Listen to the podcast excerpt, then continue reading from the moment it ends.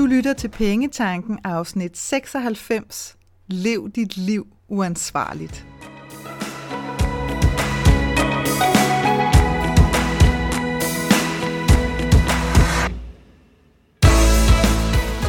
Velkommen til Pengetanken. Jeg hedder Karina Svensen. Jeg fokuserer på hverdagsøkonomi med et livsfokus.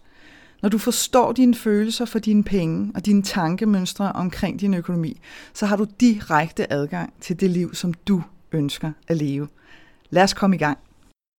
Måske tænker du, ah, Karina, er det virkelig ansvarligt med sådan en titel på dagens afsnit? Og ja, jeg kan love dig for, at jeg har dit eget bedste for øje, når jeg taler om ansvarlighed i forhold til lige præcis dit liv. Men det kræver noget af dig, fordi vi er ikke alle sammen enige. Og måske kommer nogen også til at se skævt til dig, eller måske ovenikøbet lige frem skælde dig ud. I dagens afsnit, der taler jeg om, hvorfor det er det hele værd at risikere fællesskabet for at leve et liv godt. Vi har altid oplevet kontraster i vores liv. Og man kan så sige, dog på det seneste har det været sådan noget mere øh, Øh, tydeligt, om man vil, end, øh, end måske nogensinde før. Fordi at, at hele den her coronavirus har givet anledning til at få skilt folk op i lejre, eller nogle folk har i hvert fald haft behovet for at skille hinanden op i lejre, for og imod, inden og ude, hvad det nu end kan være.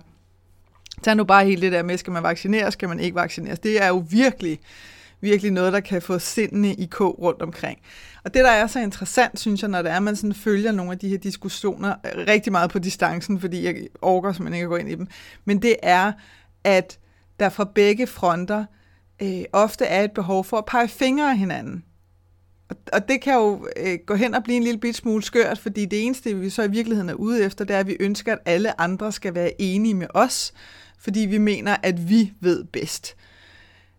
Og det nu prøver jeg lige at sidde og finde et, et pænt ord for det, men, men det kan jeg simpelthen ikke. Det vil jeg kalde total arrogance. Altså det her med, jeg ved bedst, og derfor så skal du synes det samme som jeg, ellers så er det dig, der er noget galt med.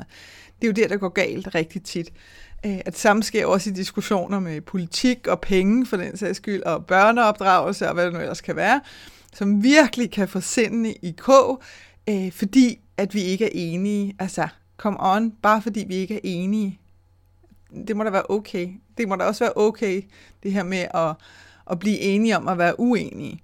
Så er der den her forskel med, om vi bliver nysgerrige. Og det kommer jeg til at tale om lidt, øh, lidt senere i dagens afsnit. Så, så det venter vi med til der. Hvis jeg sådan skal tage udgangspunkt i nogle af de kontraster, som jeg personligt selv har oplevet, så har jeg øh, været igennem nogen, som jeg er gået ind i med fuld bevidsthed, og så er der også dem, som jeg slet ikke var klar over, var en kontrast ind til andre, gjorde mig opmærksom på, at det var det i den grad. Så lad mig give dig nogle eksempler her, som du måske også kan spejle dig selv i. Tag nu bare øh, vaccinen, vi kan lige så godt få den af vejen. For mig er det øh, bevidst, at jeg har valgt at blive vaccineret. Øh, ikke fordi, at jeg føler, at jeg har behov for at blive vaccineret, men jeg gør det for fællesskabets skyld, øh, hvis man kan sige det sådan. Altså jeg gør det for at, øh, at skabe ro på hos andre, og så er det altså okay for mig øh, at gøre det alene af den årsag. Hvis det handlede om, om om jeg følte mig mere eller mindre sikker personligt, om jeg var vaccineret eller ej, så ville mit svar være nej. Men, men det er et valg, som jeg træffer helt bevidst, og jeg ved, at for nogen kan det være en meget, meget stor kontrast til, hvad de selv mener og synes. Og jeg har absolut intet problem med dem, som vælger ikke at lade sig vaccinere. Igen, valget er hver vores. En anden bevidst beslutning, jeg har truffet, øh, og hvis du har lyttet med igennem noget tid, så ved du det også, det handler om pension. Det synes jeg også er interessant, at det også kan få folk sådan lidt op at ringe. Jeg har valgt personligt, at lige nu i mit liv, øh, der har jeg ikke lyst til øh, at spare op til min egen pensionsopsparing. Og når jeg siger lige nu, så gælder det jo altid med alting, øh, som jeg, og øh, jeg tror også godt, jeg kan tillade mig at sige, stort set alle andre øh, taler om, fordi vi har jo heldigvis det privilegie, at vi har lov til at skifte mening. Men jeg kan bare mærke i en alder af 47, der skulle lige regnes, at jeg har simpelthen ikke behov for at spare op til min egen pension, fordi jeg, jeg, jeg kan ikke se mig selv leve mit liv så opdelt, øh, og jeg vil rigtig gerne bruge øh, mine penge nu. Og ja, så tager jeg øh, 100% ansvar for den beslutning, og 100% konsekvensen af den beslutning, når nu at jeg når frem til på et eller andet tidspunkt, at jeg måske vil leve anderledes. Øh, personligt kan jeg ikke forestille mig det der fænomen med at lukke alt ned og, og gå på pension efter den der sådan helt klassiske, øh, klassiske sådan proces, hvis jeg kan kalde det det. Men, men det er så også en helt anden snak. Men som sagt, et bevidst valg, og ja, det er kontrastfyldt. Øh, jeg læste et, øh, et indlæg på, øh, på Instagram, tror jeg, og bare sådan lige kort, men hvor en virkelig var blevet sådan nærmest skammet ud, for ikke at ville øh, tage del i, i fællesskabet ved at have sin egen pensionsopsparing. Og, og sådan noget, det forstår jeg simpelthen ikke. Altså, det handler jo ikke om, at jeg tager jo ikke noget fra dig, hvis det er, at jeg vælger ikke at have min egen personlige pensionsopsparing. Der er ikke noget, der forsvinder øh, fra din bankkonto ved, at, øh, at jeg ikke gør det. Så det her med at have sådan en følelse af, at nu er du ikke en del af et eller andet fællesskab. Hmm. Men fair nok, hvis fællesskabet er, at vi er dem, der har en personlig pensionsopsparing, så er det cool. Det, der bliver ufedt, det er, hvis, hvis fællesskabet kommer til at betegne sig som, vi er dem, der har en personlig pensionsopsparing, og alle, der ikke har det, er forkerte. Så er det, at, at den glipper. En ubevidst kontrast, som jeg ikke var klar over var en kontrast, da jeg tog den beslutning, det var, da, da jeg som 18-årig valgte at tage til Paris i et år. Jeg så det egentlig bare som et eventyr. Det synes jeg var enormt spændende, indtil at øh, stort set alle mine omgivelser fortalte mig, at det var helt skørt og alt for vildt, og jeg kendte jo ikke nogen, og bla bla bla. Så der blev jeg bevidst om, okay, det her det er en kontrast. Jeg valgte så at, at gå igennem, øh, eller føre, føre sådan min beslutning igennem og tage afsted. Men det var ret interessant at, at møde så kæmpe stor modstand, øh, og også tvivle, for det gjorde jeg virkelig. Jeg kan huske, jeg var sådan meget, wow, what's going on? Hvor, hvorfor er det så vildt? Og så egentlig end op med at, at være fascineret af det, og så tænke, nå okay, men jeg har altså tænkt mig at gøre det under alle omstændigheder. Og, og som virkelig er en beslutning, jeg aldrig nogensinde har fortrudt, fordi hold da fest, udover at, at modne en 18-årig pige, som ikke havde været væk hjemmefra på den måde nogensinde før, så gav det også nogle fuldstændig unikke oplevelser. Og det er faktisk meget øh, interessant lige sådan en sidehistorie, fordi øh, sådan inden for det sidste halve års tid, der, der, er, der er mange af de oplevelser, jeg havde i Paris, virkelig dukket op til overfladen igen. Øh, og det, det har virkelig været sådan et kærligt gensyn i mine tanker. Og jeg har selvfølgelig også tænkt over, hvorfor er det, hvorfor er det ligesom, at den kommer op igen. Og på en eller anden måde, så føltes den periode øh, i Paris som sådan en meget, meget stor og afgørende transformation i mit liv. Så who knows, måske er version 2 på vej, vi ved det ikke. Men, øh, men jeg, er spændt på at, jeg er spændt på at se, hvorfor at den ligesom melder sig ved, ved havoverfladen igen og igen her i denne her tid. En, øh, en anden bevidst kontrast, og den var bevidst, det kan jeg huske, det var da jeg arbejdede i reklamebranchen. Jeg tror, jeg har arbejdet en 4-5 år, så kunne jeg sådan mærke, uh, nu hvor jeg blevet nysgerrig på noget andet. Øh, og det var jeg godt klar over var en kontrast, fordi at, øh, at det var sådan noget særligt at være i reklamebranchen. Det var der i hvert fald rigtig mange andre uden for branchen, der synes, at uh, det var da vildt spændende og noget ganske særligt. Og det er også noget ganske særligt, øh, både øh, på godt og ondt, kan man sige. Men, øh, men jeg kunne bare mærke, at jeg var færdig med det. Og, og det var på en eller anden måde... Øh, man kan sige, det føltes godt for mig, og det føltes også helt fint, når nogen ligesom stillede spørgsmålstegn. På det tidspunkt var jeg dog lidt ældre, hvad var jeg der? Der var jeg måske i midten af 20'erne, så det tror jeg simpelthen bare, at min omgangskreds generelt har fundet ud af, okay, jeg kan sige hvad som helst, hun har tænkt sig at gøre det alligevel, så jeg gider altså ikke bruge så meget krudt på at prøve at overtale hende til noget andet. Jeg traf også en meget bevidst beslutning på et tidspunkt om at øh, forlade min daværende kæreste, uden noget som helst, og, og det ser jeg ikke som sådan en, at det var sådan en heldegærning overhovedet. Jeg kunne bare mærke, at det forhold, det var slut, øh, og havde været det i noget tid. Jeg holdt utrolig meget af ham som menneske, men, men jeg kunne bare ikke se ham som en livspartner. Øh, og jeg anede ikke, hvad jeg skulle stille op der. Jeg kunne huske, jeg crashede hos en veninde på hendes sofa i noget tid, indtil jeg fik lov til at, at låne en lejlighed af nogle familievenner. Og, altså, vi taler nul og niks. Jeg tror, jeg havde taget et spisebord og nogle stole med, som jeg havde arvet fra min mormor, eller sådan et eller andet, som jeg havde opbevaret et eller andet sted Øhm, og ellers så valgte jeg simpelthen at efterlade alt hos ham. Og ikke fordi, at det var sådan noget, oh, jeg vil ikke have noget, men, men jeg havde simpelthen brug for sådan et clean cut, fordi jeg havde brug for at, at komme videre på fuldstændig egen hånd. Og det var, det var også en bevidst kontrast, hvis man kan sige det sådan, fordi på det tidspunkt, øh, der var jeg i slutningen af 20'erne, og, og, og der var mange sådan begyndt med, at øh, enten så var de lige blevet gift, eller skulle giftes, man skulle til at have børn, og du ved, det her med at, at bare finde et fast, solidt arbejde, apropos reklamebranchen osv. osv., det hele, det, det lå ligesom i, i kortene på en eller anden måde, bare ikke for mig. Øh, ubevidst, der var det også øh, ret specielt for mig, specielt fordi det virkelig var så ubevidst, som noget kan være. Da jeg havde skrevet min, øh, min bog, Money Makeover Mindset, som, øh, som udkom øh, maj sidste år, der havde jeg simpelthen ikke set, jeg havde simpelthen ikke set det komme, at, at nu var jeg sådan, jeg var godt klar over, at jeg var forfatter, fordi det er man øh, af titel, om man vil, når man har skrevet en bog, men, men jeg kan bare huske, at jeg hørte sådan øh, flere forskellige udtalelser fra flere forskellige omkring, hvordan man er, når man er forfatter. Og det synes jeg faktisk var ret sjovt, fordi jeg kunne overhovedet ikke genkende noget af det. Øh, så, så, så der havde jeg det sådan lidt, wow, okay, nu, nu ligger du altså i, nu ligger du i en kasse sammen med øh, nogen, som har et særligt syn på, hvordan man så er nu, når man er forfatter. Øh, og, det, og det synes jeg egentlig bare var ret sjovt, men det var altså øh, en ubevidst kontrast for mig, for det var altså ikke noget, jeg havde sådan set øh, komme på nogen som helst måde.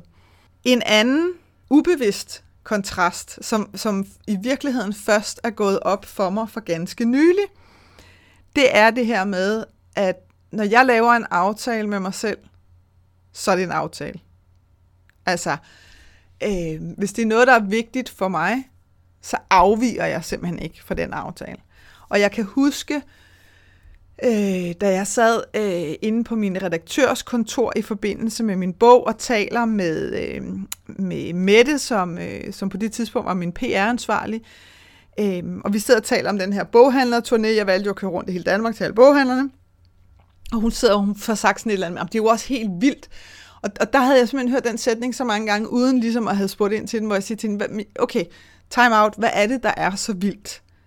Fordi ja, okay, der er 100 boghandlere i Danmark, og ja, så selvfølgelig er det da noget at ligge og køre rundt til dem, men, men så synes jeg så på en eller anden måde altså heller ikke, at den beslutning var vildere. Øhm, og hvor hun sådan øh, smilede kærligt til mig, kan jeg huske, hvor hun siger, nej, det kan jeg godt forstå, men det er i virkeligheden heller ikke det, jeg mener, der er så vildt. Det, der er så vildt, det er, at du tager en beslutning, og så genforhandler du den ikke. Altså, du holder simpelthen fast.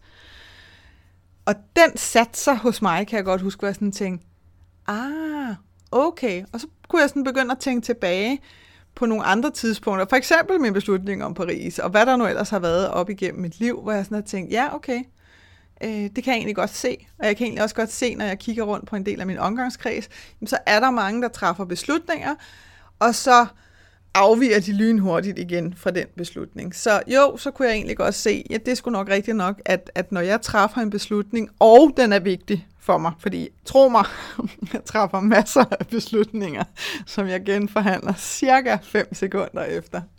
Og dog. Men hvis det er noget, der er vigtigt for mig, og det var det altså at besøge de her boghandlere, jamen så er der ingen vej udenom. Altså, så kan der sådan set ske hvad som helst. Så, så får jeg ligesom manøvreret rundt om alle de der ting, sådan, så tingene alligevel sker. Så det er, bare, det er bare lige for at give dig et par eksempler øh, fra mit liv, hvor der ligesom har været de her bevidste og også nogle gange ubevidste kontraster. Så lad mig give dig et par ord med, som du ligesom kan være opmærksom på, øh, der kan komme for andre.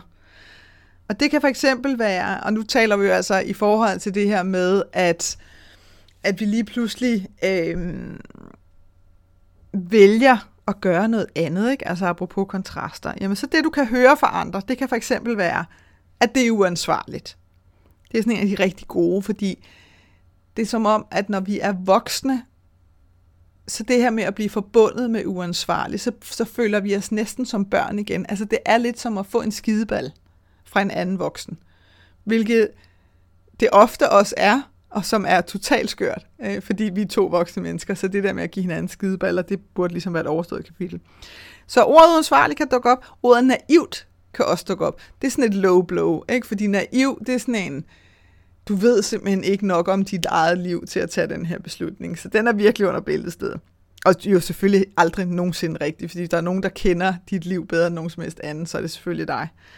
Det kan også være, at der bliver sagt sådan noget med, men du kan da ikke bare, eller hvad har du tænkt dig, hvis stå til ansvar og, og, og svare andre. Og, og der har jeg også lyst til lige at give dig sådan en lille sidebemærkning med, der hedder, du er aldrig forpligtet til at forsvare dine beslutninger.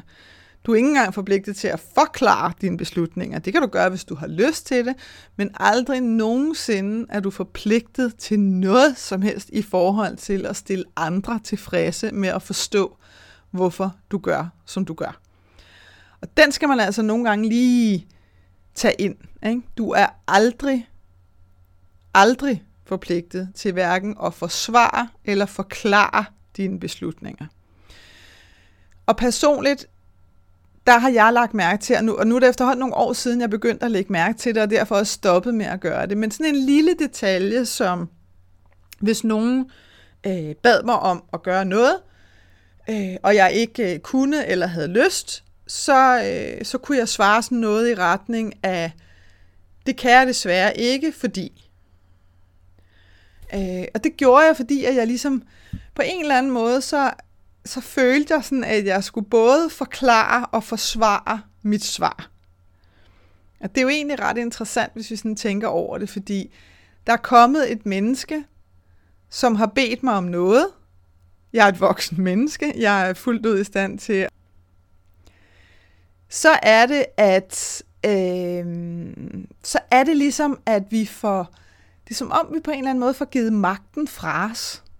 Ikke? Det er som om, at at nu skal vi sådan beklage, nej, det beklager jeg virkelig. Nej, nej, nej, Hvor, hvorfor det? Altså for tre sekunder siden, der, der var det her ikke engang et issue hos dig, og nu fordi der er en anden en, der kommer til dig, så får du lige pludselig bragt dig selv i den her sådan følelsesmæssige tilstand. Så der måtte jeg virkelig tage mig selv i det her med at begynde at bruge de her fyldord. Øh, også fordi, ofte så mente jeg jo ikke det svære. Altså, så var det noget, jeg ikke havde lyst til, og så synes jeg overhovedet ikke, der var noget det svære over det. Hvis jeg så til gengæld følte, at Ej, det gad jeg virkelig godt, men det kan jeg desværre ikke den dag, du ved, kan vi gøre det en anden dag, så er det noget andet. Men det her med at få sådan udraderet ordet det svære, når ikke jeg mente det, det tog altså lige nogle, nogle omgange, men det var faktisk ret interessant øh, at bemærke, at jeg ligesom tog ansvaret på mig for, for den anden sådan forspørgsel.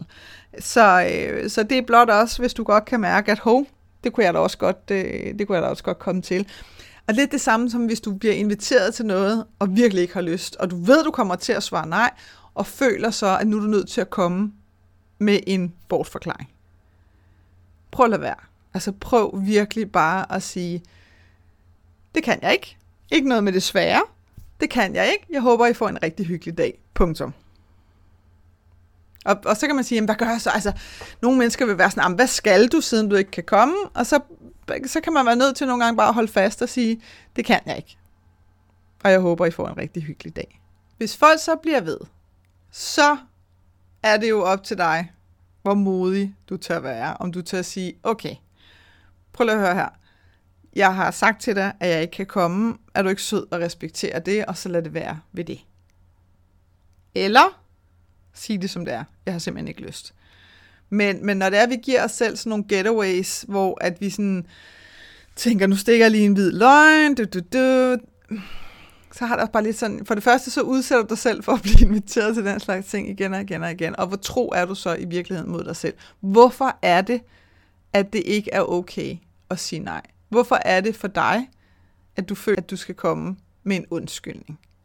I stedet for bare at sige tak, men nej tak. Så det er blot lige nogle tanker at få sat i gang, hvis det er, at du godt kan mærke, at ja, det kunne jeg måske godt øh, finde på. Øhm, og nogle af de her sætninger, folk kan sige til dig, eller ord, folk kan sige til dig, ligesom uansvarligt og naivt, altså det er nærmest, jeg har næsten lyst til at sige, jo, jo hårdere de er, de her ord, jo mere indikerer det bare, hvor frustreret den anden person er. Det har absolut den sad altså, og, og jo, nu, jeg tager det altså personligt, så skal du også bare vide, at så påtager du dig i virkeligheden den andens følelser, uden at påtage dig deres liv, fordi det kan du af indlysende årsager, ikke? Hvis du skal påtage dig andres følelser og holdninger, uden at kende til deres liv, jamen så har du ikke nogen baggrund i dem, så bliver det bare sådan en, så bliver det sådan en kopi, du sidder og gentager for dig selv, uden at du helt forstår, men hvorfor synes de det? Hvorfor vil de sige det? Hvorfor vil de sige det sådan? Bla bla bla. Du kan godt se, at det bliver sådan nogle mærkelige samtaler, som du aldrig nogensinde kommer til at forstå, fordi det er ikke dig, der har sagt det. Så prøv at se, om du ligesom kan sige til dig selv, det der, hvor ondt eller hvor meget det end lige sagde, ouch, den sad der lige, så har det intet, absolut intet med dig at gøre personligt. Den virkelige årsag bag andres frustration er i virkeligheden ofte, øh, og her der mener jeg altså frustration omkring dine beslutninger, det er egentlig ofte, at de enten selv desperat ønsker en beslutning, men ikke tør tage den, altså ønsker en, en forandring, men ikke bør tør tage den, øhm, eller også at at de ikke rigtig føler, at de kan genkende dig længere som en del af flokken. Det kan være, at, det er, at, at du er en del af en flok venner, som plejer at gøre noget. Lad os nu sige, at I plejer, øh, nu, nu er I blevet voksne og har måske fået børn, så plejer I at mødes på Kreta en uge i sommerferien eller et eller andet. Og nu har du altså fundet ud af, at at det har du altså ikke lyst til længere. Nej, du har lyst til at tage til Italien, og du har lyst til at gøre det alene. Uff. Så træder man udenfor, eller lege sommerhus i nærheden af nogen, eller hvad nu pokker den kan. Tage til påskefrokoster og pinsefrokoster og fødselsdag og you name it. Der er masser af lejligheder, hvor at hvis man lige pludselig siger, nej, jeg har lyst til noget andet, så kan det virkelig blive farligt. Jeg kan huske, at jeg gjorde det i, i forbindelse med, at mine forældre blev skilt. Øh, og, øh, og du ved, da jeg mødte min første kæreste derefter, det her med juleaften. Halleluja, ikke? Hvor skal man holde juleaften? Og der var nogle familiemedlemmer, som havde et behov for ligesom at sige, Nå, men så er det jo hver anden gang hos os. Og hvor jeg bare sådan ret hurtigt må sige, det kan jeg simpelthen ikke øh, sige ja til. Fordi det kan være, at der er en jul, hvor jeg tænker, øh, jeg tager skud til Australien. Så jeg ved det ikke. Men, øh, men det kan jeg simpelthen ikke sige ja til.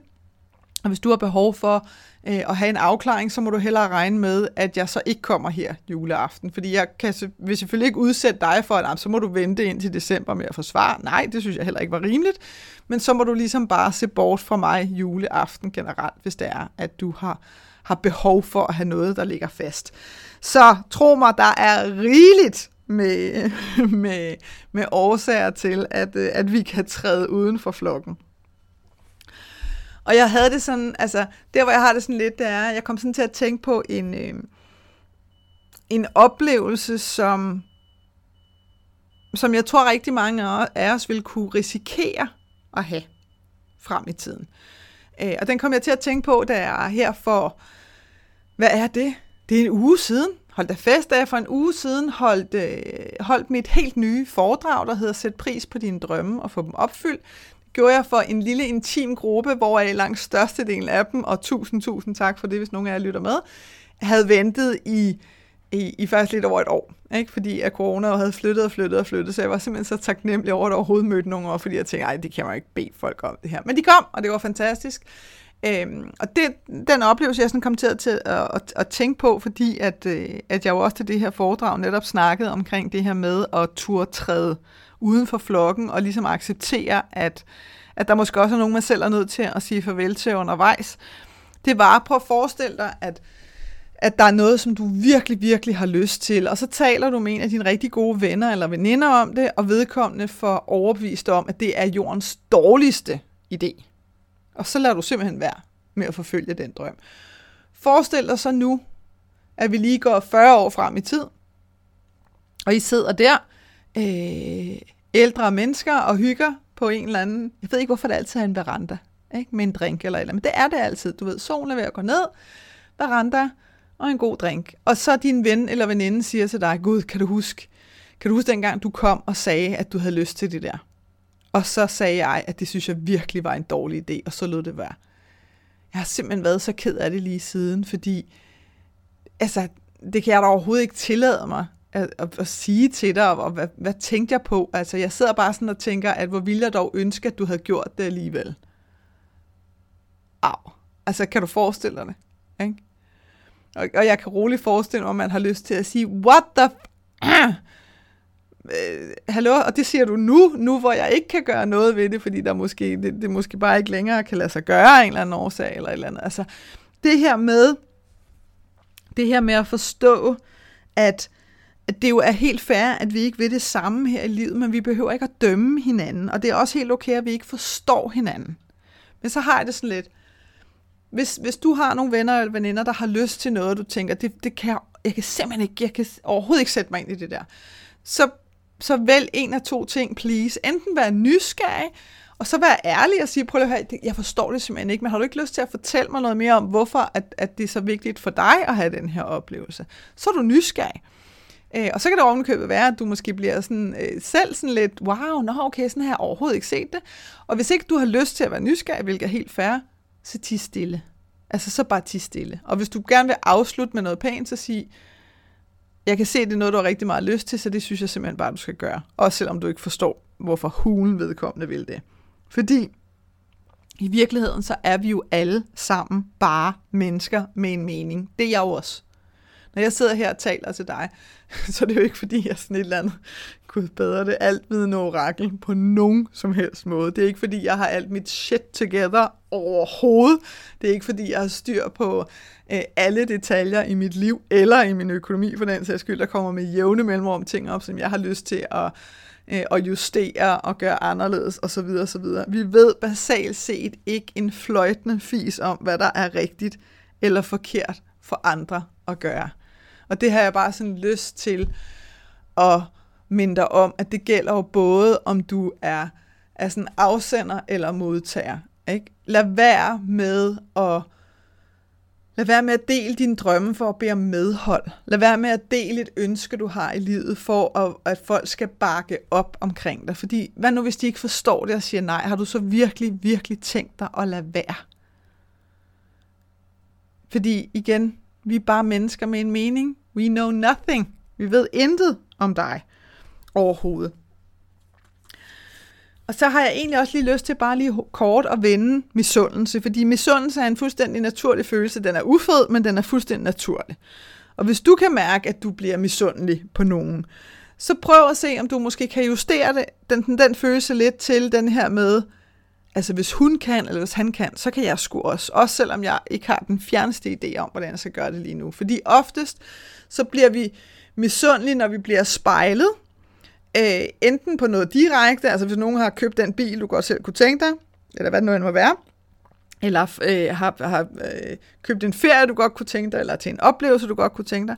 Andre gange, så bliver det bare det her med at turde gøre noget, at det kan være spejl nok til, at man tænker, ah, ej, men så gjorde hun det før mig, og jeg burde, jeg har ved Gud der gået og fablet om det i en evighed. Jeg kan huske, jeg havde en, kom jeg lige til at tænke på, jeg havde en, øh, en af mine første, jeg vil ikke kalde det kærester, men skal vi kalde det bekendtskaber. Øh, og vi talte sådan om, at, at vi begge to med vidt forskellige udgangspunkter havde lyst til at tage, tage, tage, tage til Paris.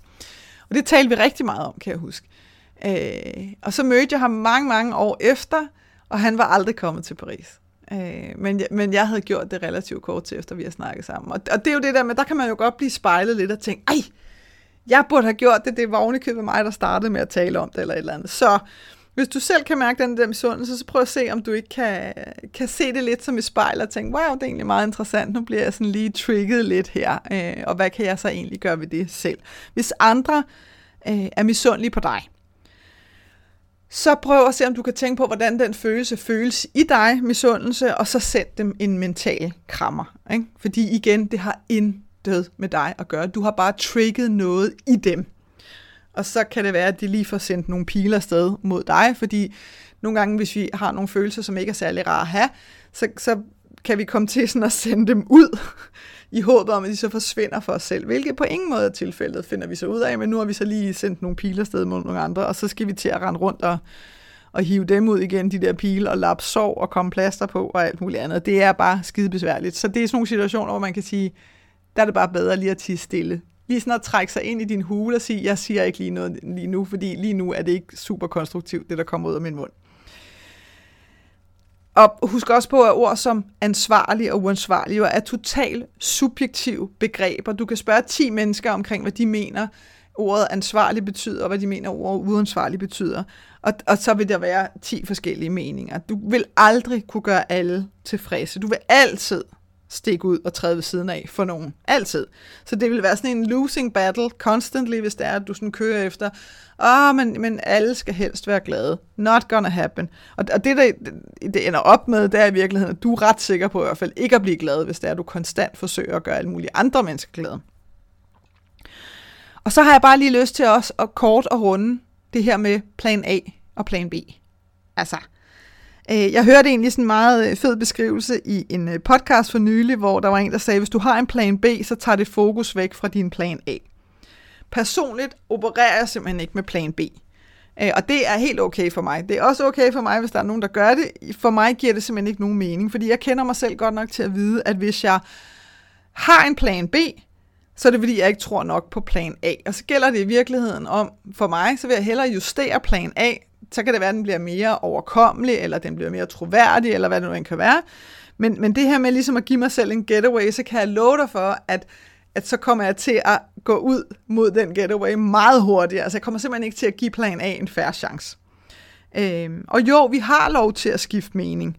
Apropos, ikke? Altså for nogen, der kan det være sådan lidt, jeg troede, at du havde sagt, at du skulle det, og nu gør du noget helt andet. Så giver du jo også op. Nej, nogle gange så kan det simpelthen være, at vi bare finder ud af undervejs, at der er behov for justering. Og det er helt okay. Det bliver skørt at holde fast i noget, bare fordi nu havde du lagt en plan, og fordi du ikke vil have, at det skal se ud, som om du gav op. Det er skørt, hvis du kan mærke, oh, her der har jeg simpelthen behov for at justere, fordi jeg troede, at det var det her, øh, som jeg havde lyst til, at det der var det her, der var mit slutmål, men jeg kan mærke, at den drejer altså lige lidt til venstre nu, så nu går jeg altså med den. Øh, så gør det for Guds skyld, altså. Lad være med at give op. Heller ikke, selvom at det bliver svært. Altså, og der har jeg sådan også, jeg har sådan lyst til lidt at sige, life sucks sometimes. Ikke? Altså nogle gange er livet bare skidesvært. Men det er det ikke resten af livet. Det er det ikke hver dag fra nu af. Det kan være, at du har en rigtig, rigtig dårlig dag. Det kan være, at du har en rigtig dårlig uge, dårlig måned. Men det kommer ikke altid til at være sådan her. Så hvis du mærker det ind imellem øh, på sådan din vej mod at, øh, at justere og forandre ting, som betyder noget for dig i dit liv, så giv dig selv lidt loving. Altså, vær sød mod dig selv og, og slap lige lidt af og træk lige vejret. Det kan være, at det går lidt for stærkt. Øh, så er det ofte, at vi bliver sådan lidt uregerlige, hvor vi sådan, så kan det også være lige meget. Og det behøver absolut ikke at, at igen blive så kontrastfyldt. Så giv dig selv, øh, giv dig selv tid til at, at tage de forandringer ind, som, øh, som du stille og roligt øh, får lavet i dit liv, eller som du har lyst til at lave. Øhm, så som inspiration, hvis det er, du godt kan mærke, uh, der er altså virkelig nogle ting, som jeg har lyst til at, at forandre. Men ah, jeg har altså lige, jeg har lige brug for lidt tilløb. Så vil jeg anbefale dig, det er noget, jeg selv gør, når der jeg står og godt kan mærke, ah, jeg er sgu ikke helt klar endnu til ligesom at tage hele skridtet, så gør jeg til det, at jeg ser dokumentarer med andre mennesker, som har truffet sådan nogle virkelig modige valg. Ikke? Og med modige mener jeg jo i virkeligheden bare nogle anderledes valg, end vi er vant til at se. Øhm, jeg lytter til podcast, hvor at, øh, at folk fortæller øh, om de her valg, de har truffet, og også at det har været svært undervejs, alle de her ting, fordi det gør det alt andet lige lidt mere menneskeligt for mig. Jeg læser bøger, øh, om det. Og jeg følger, øh, og så følger jeg, nu skulle jeg lige, jeg skulle lige sådan sidde og tænke, er der noget, men jeg følger i virkeligheden også nogle konti på Instagram, hvor folk har valgt at leve på en anden måde. Øh, som jeg også synes er enormt inspirerende. Og det er heller ikke altid, jeg forstår de valg, og det er også helt okay, men det inspirerer mig, og det trigger mig på den gode måde til at tænke, aha, sådan kan man altså også gøre det. Fordi du skal jo huske på, du er allerede unik, så du kan lige så godt, du kan lige så godt leve som dig selv, og være klar til at træde sådan helt frem i dit liv, præcis som dig selv. Og hvis du sidder lige nu og tænker, hvor, hvorfor er jeg så unik? Altså, jeg synes godt at jeg er meget normal.